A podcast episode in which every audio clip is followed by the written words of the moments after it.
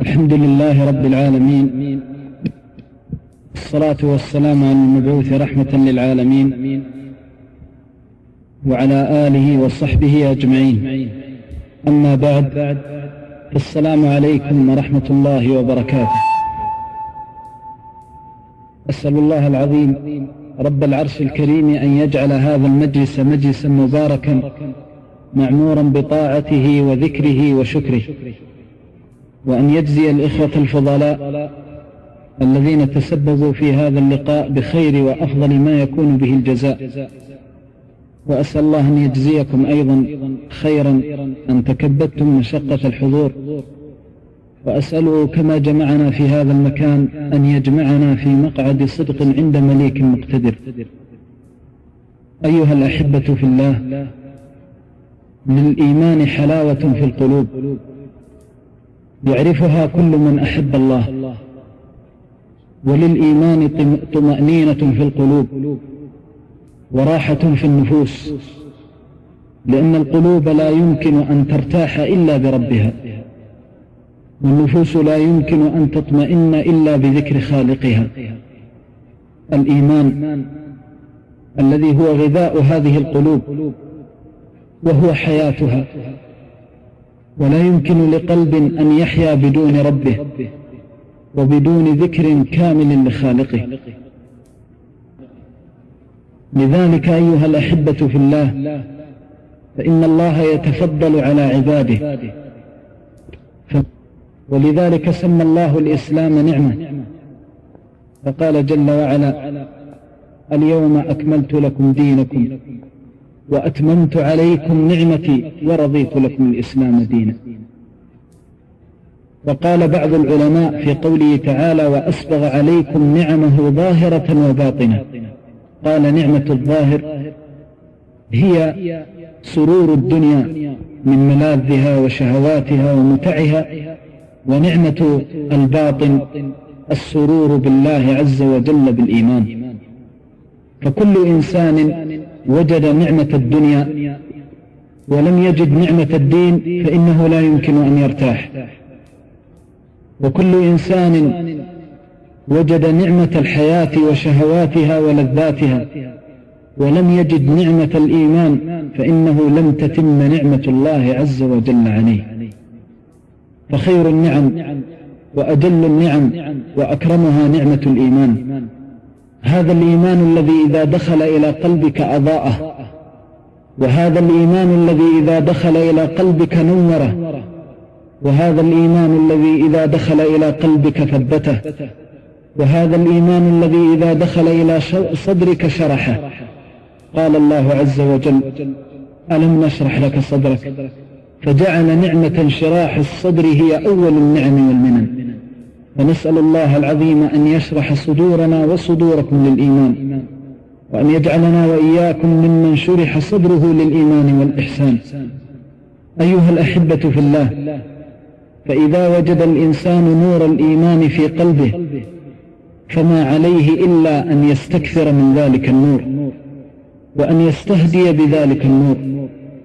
فقلب الإنسان شعب إذا جمع الإيمان في تلك الشعب أصبح الإنسان حياتها كلها لله وأصبحت حركاته وسكناته كلها لله وأصبح كل همه وغمه أن يرضي الله عز وجل عنه. وهذا هو هم الدين الذي لا يمكن للمؤمن أن يرتاح إلا به ولا يمكن للمؤمن أن يسعد إلا بعد تحقيقه أن يكون قلبك كاملا لله عز وجل. وإذا كمل إيمان القلب أسعد الله الجوارح فأصبحت حركات الإنسان وسكناته كلها لله جل وعلا. قل إن صلاتي ونسكي ومحياي ومماتي لله رب العالمين. وكيف لا نكون عبادا لله؟ وكيف لا نفرغ حياتنا لله؟ وكلنا نعم من الله جل وعلا. الشرف والفخر لك أن تهيئ حياتك حياة تدور مع الله عز وجل وليس بعيب ولا مذمة على الإنسان أن يفرغ قلبه لله ولكن العيب كل العيب أن يأكل من طعام الله وأن يشرب من شراب الله وأن يكون غافلا عن الله والعياذ بالله. العيب كل العيب. أن الناس تفوز بالدرجات العلى وتحوز من الله المحبة والرضا ونحن غافلون عن رحمته. لذلك فإن الله إذا أراد أن يهيئ العبد للكمالات وأن يوفقه لأعالي الدرجات شرح صدره للإيمان الكامل. هذا الإيمان الكامل الذي كان الصحابة رضوان الله عليهم فقراء لكنهم أغنياء بالإيمان. وكان الواحد منهم يربط الحجر على, قل على بطنه ولكن قلبه غنيا بغذاء الإيمان. وكان النبي صلى الله عليه وسلم تمر عليه الثلاث والأربع ليال لا يجد طعاما وهو أغنى ما يكون بالله عز وجل. الإيمان له حلاوة وهذه الحلاوة تنسي آلام الدنيا. ولذلك تجد الإنسان سقيما مريضا ولكنه بالإيمان معافى مشافى. تقول له كيف أنت؟ يقول لك الحمد لله في نعمة من الله عز وجل. وقد تجد الإنسان غنيا ثريا والمال بين يديه والخيرات بين يديه. تقول له كيف أنت؟ يقول لك في عذاب وبلاء. فلا طمأنينة للقلوب إلا بهذا الإيمان الذي اطمأن به قلب النبي صلى الله عليه وسلم. وكان يحيا الحياة الكريمة مع الله جل وعلا. فكانت حياته كلها لله سبحانه وتعالى. وكل إنسان فرغ حياته لله أسعده الله عز وجل.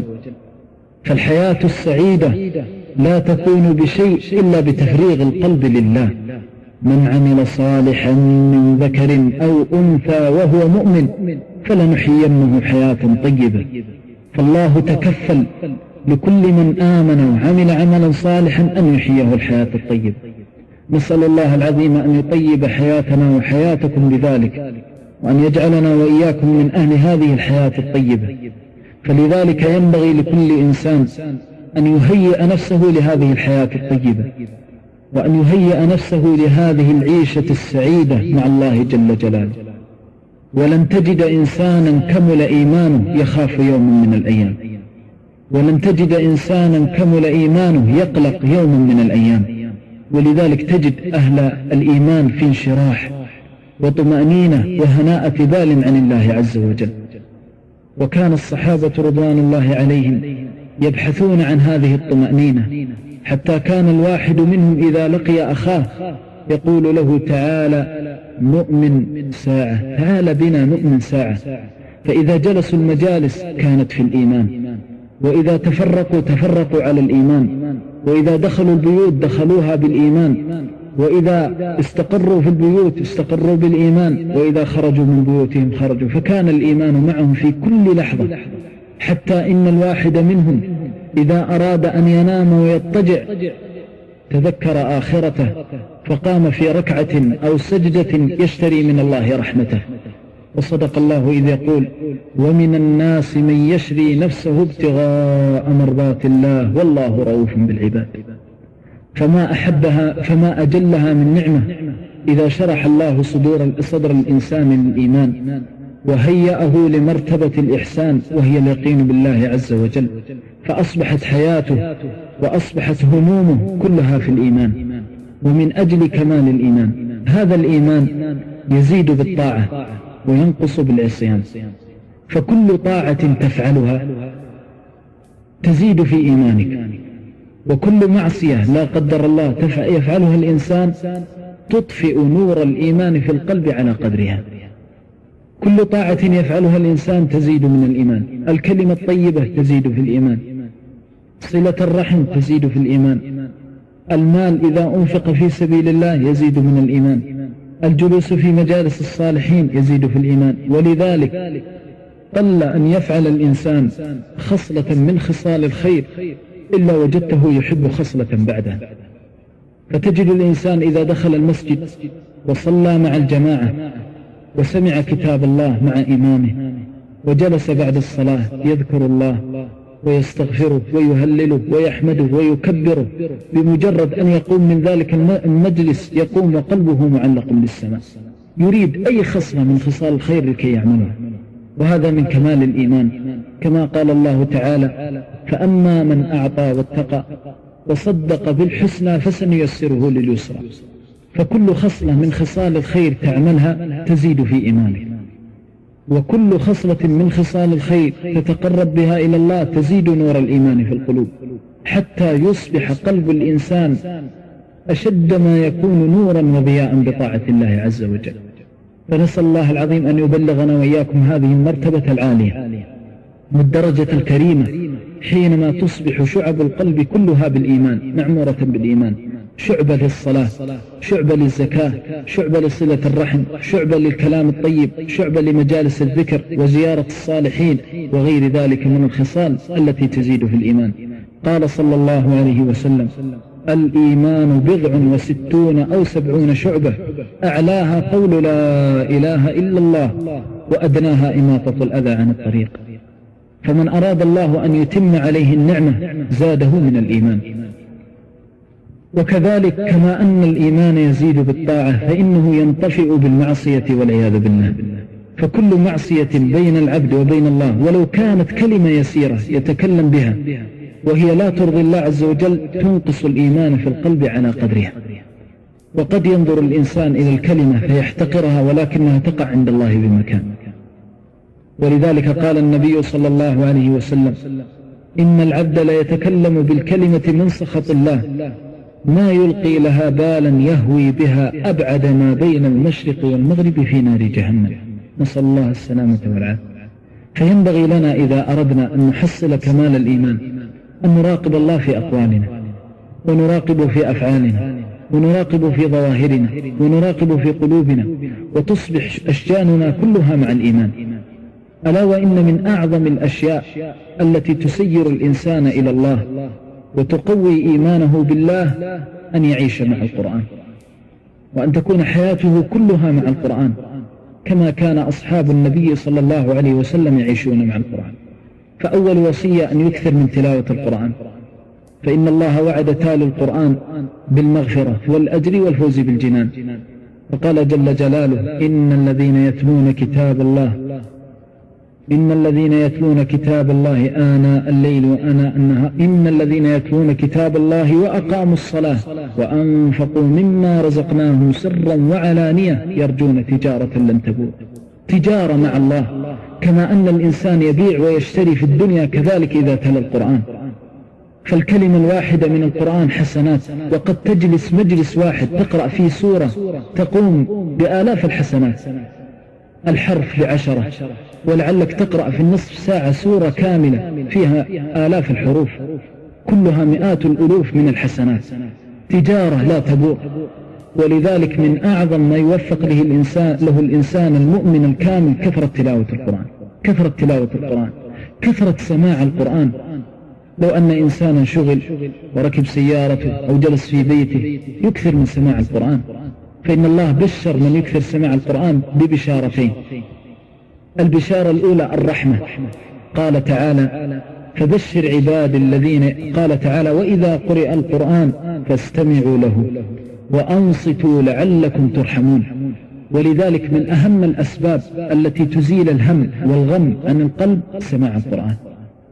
وأت بأي إنسان تجد مريض في نفسه أو مهموم أو مغموم يجلس فقط نصف ساعة يسمع فيها كتاب الله تنشرح صدره. ولو كانت عليه والله هموم الدنيا. إذا سمع كتاب الله لا بد أن ينشرح صدره. لأن هم القلب يأتي من الشيطان.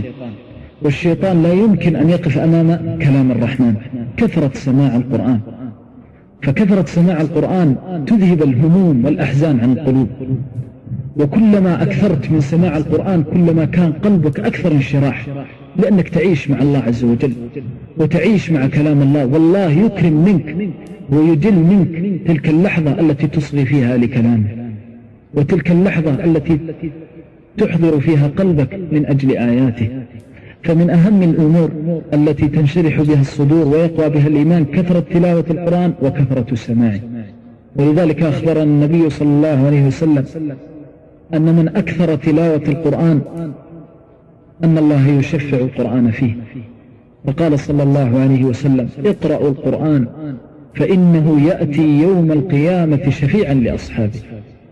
وجاءه أبو ذر يوما من الأيام فقال يا رسول الله أوصني أراد من النبي صلى الله عليه وسلم وصية تنفع في دينه ودنياه وآخرته فقال عليه الصلاة والسلام عليك بتقوى الله فإنها رأس الأمر كله تقوى الله عز وجل. قال زدني. قال أكثر من تلاوة القرآن فإنه ذكر لك في الأرض ذكر لك في السماء ونور لك في الأرض. فمن جلت الهموم ولا زالت الغموم بشيء مثل سماع القرآن. تكثر سماع القرآن فتعيش مع هذا الكتاب العظيم الذي أرسله الله إليك. وإذا أردت أن تنتفع بهذه التلاوة والسماع فلا تسمع آية من كتاب الله إلا وأحسست أن الله يخاطبك أنت مباشرة أن نعيش مع القرآن كما ينبغي أن يعيش. من يريد أن يكون القرآن حجة له لا حجة عليه. كل آية تسمعها. تهيئ نفسك فتسأل أين مكانك من هذه الآية. والله ما من آية تسمعها في صلاة ولا في مسجد ولا في مجلس ذكر إلا جئت يوم القيامة إما حجة لك أو حجة عليك. كل آية تسمعها من القرآن إما لك وإما عليك. وكل إنسان سمع القرآن كاملا فقد كملت حجة الله عليه. فلذلك ينبغي علينا أن نعيش مع كلام الله عز وجل. وأن نحيا من أجل هذا الكلام. خرج الصحابة رضوان الله عليهم لا مال ولا بنون ولا قوة ولا عزة خرجوا بالقرآن وحده. وأراد سعد بن أبي وقاص يوم يوما من الأيام لما التقى بالفرس التقى بهم وبينه وبينهم النهر. فقال لمحمد بن مسلمة يا محمد ارقب لي الناس في الليل. يعني انظر في الليل ماذا يفعلون. يريد سعد أن يعرف هل هم مع القرآن أو بعيدون عن القرآن. فلما جن الليل نظر محمد رضي الله عنه وأرضاه فوجد هذا قائم يصلي وهذا راكع وهذا ساجد. فلما أصبح الصباح جاء إلى سعد وقال أبشر يا سعد فما زال أصحاب محمد صلى الله عليه وسلم كما عهدتم. قال خيرا قال وجدتهم ما بين قارئ للقرآن وراكع وساجد. فكبر سعد رضي الله عنه واستبشر خيرا. فقام في الناس فخطب فيهم الخطبة وذكرهم بالله وقال لهم إني خائض هذا النهر بفرسي. فسار رضي الله عنه في ساعته على نهر دجلة فسار الفرس على وجه الماء وتبعه أكثر من عشرة آلاف على وجه الماء ما غاصت قدم فرس واحد منهم. فقال سعد رضي الله عنه الله أكبر ذللت لكم البحور والله لتغلبن ما لم تصابوا بذنب من قاصية القوم. مشوا على وجه الماء أكثر من عشرة ألاف مشوا بماذا؟ بالقرآن. من كان مع القرآن فإن الله يعزه ويكرمه ولذلك لن تجد إنسان يكثر من تلاوة القرآن وسماع القرآن يعرف الخوف أبدا. ولن تجد إنسان يكثر من تلاوة القرآن وسماع القرآن يعرف الهم أبدا. ولذلك في الدعاء اجعل القرآن العظيم ربيع قلوبنا. ربيع مثل الربيع. فتجد الإنسان يحيا بهذا القرآن ويرتاح لهذا القرآن ويطمئن لهذا القرآن. فهذه من الأمور التي تزيد في الإيمان وتعمر القلوب بالإيمان وتقوي اليقين في الله جل جلاله. كثرة تلاوة القرآن وكثرة السماع. وثبت في الحديث عن النبي صلى الله عليه وسلم أنه قال أعرف سورة القرآن إذا أحببته واقتربت منه وواليته وكنت معه. لا يمكن أن يتركك ولو كنت في أحلك الظروف.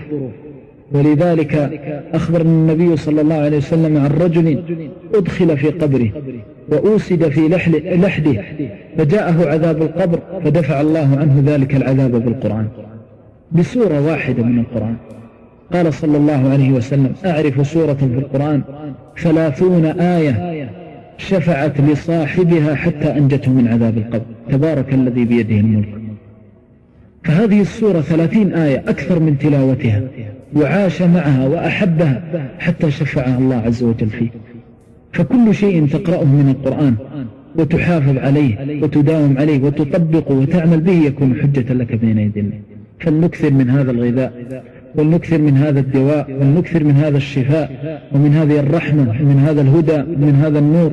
نسأل الله العظيم رب العرش الكريم أن يجعلنا وإياكم هداة مهتدين غير ضالين ولا مضلين وأن يمتعنا وإياكم بكتابه المبين فيجعله ربيع قلوبنا ونور صدورنا وجلاء أحزاننا وهمومنا وغمومنا. إنه ولي ذلك والقادر عليه. صلى الله وسلم وبارك على نبيه وآله وصحبه.